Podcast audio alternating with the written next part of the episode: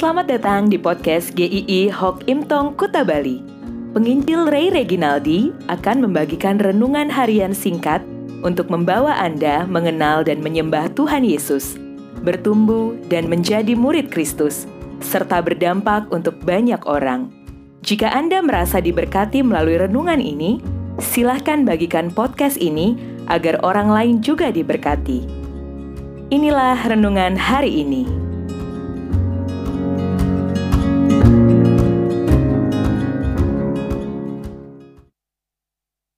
Kecewa kepada Tuhan bagian yang kedua.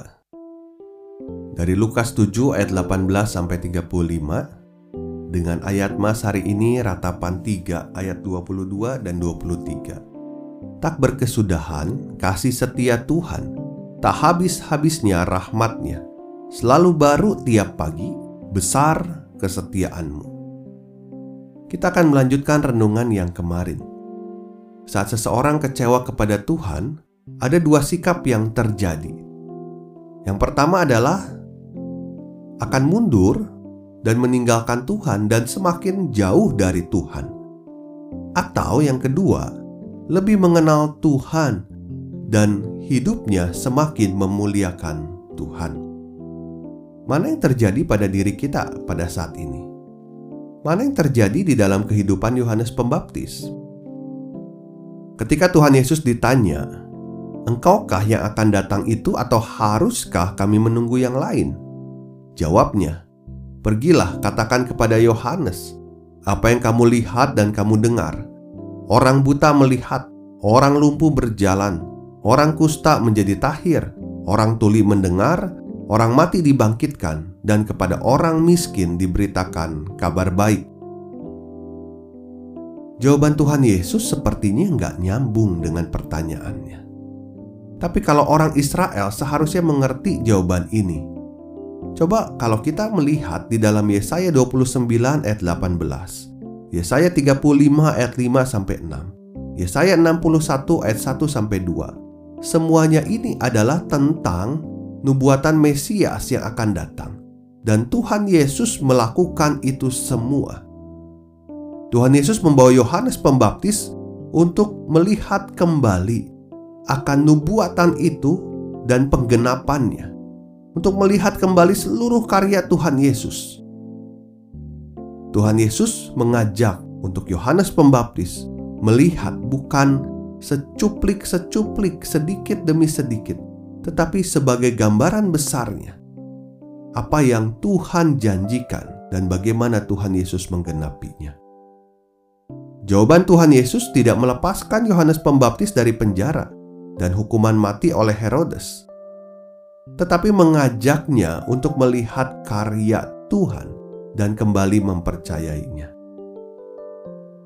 Ketika kita bergumul bersama dengan Tuhan di dalam pergumulan ini, kita mungkin mengerti akan kasih setia Tuhan, akan karyanya.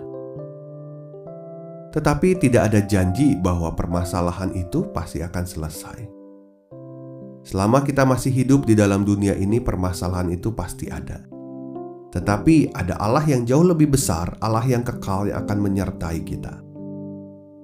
Saat kita kecewa kepada Tuhan, itu adalah waktu yang paling baik untuk melihat kembali siapa Tuhan bagi kita. Apakah Dia sungguh-sungguh Tuhan yang kita sembah, atau sebetulnya kita sedang jauh dari Tuhan? Saat kita kecewa, lihatlah seluruh karyanya. Apakah kasihnya hanya setengah-setengah kepada kita? Lihatlah hari demi hari bagaimana pemeliharaan Tuhan untuk setiap kita. Salib adalah bukti kasih yang terbesar dari Tuhan untuk setiap kita. Tuhan Yesus sendiri menyerahkan dirinya. Bapak pun merelakan anaknya yang tunggal itu ada dalam penderitaan yang paling mengerikan. Saudara, saat kecewa, itulah waktu kita justru melihat kembali seberapa besar kasih Yesus buat kita. Apakah kita layak diselamatkan? Apakah layak Tuhan Yesus mengorbankan dirinya untuk orang seperti kita? Jawabannya tidak. Semuanya hanya karena kasih karunia-Nya Tuhan Yesus.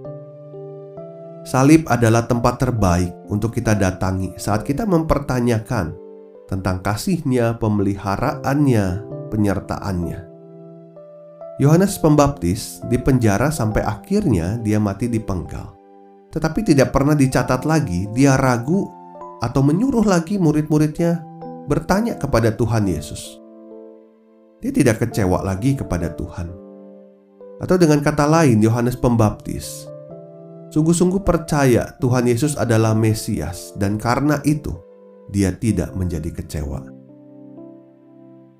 Di sepanjang sejarah, banyak orang Kristen menderita karena imannya di dalam Tuhan Yesus, tetapi mereka tidak mundur, bahkan tidak sedikit yang harus kehilangan nyawanya.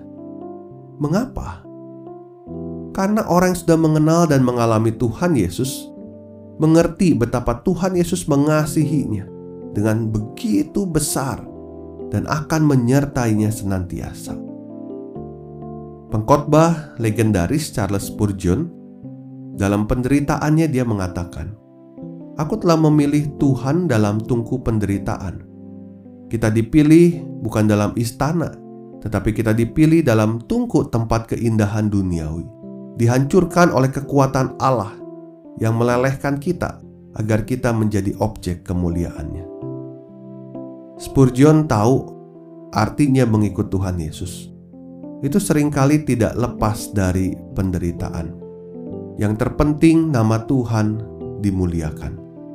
Penderitaan tidak pernah memisahkan kita dari kasih Tuhan. Apa pun yang sedang Anda alami hari ini.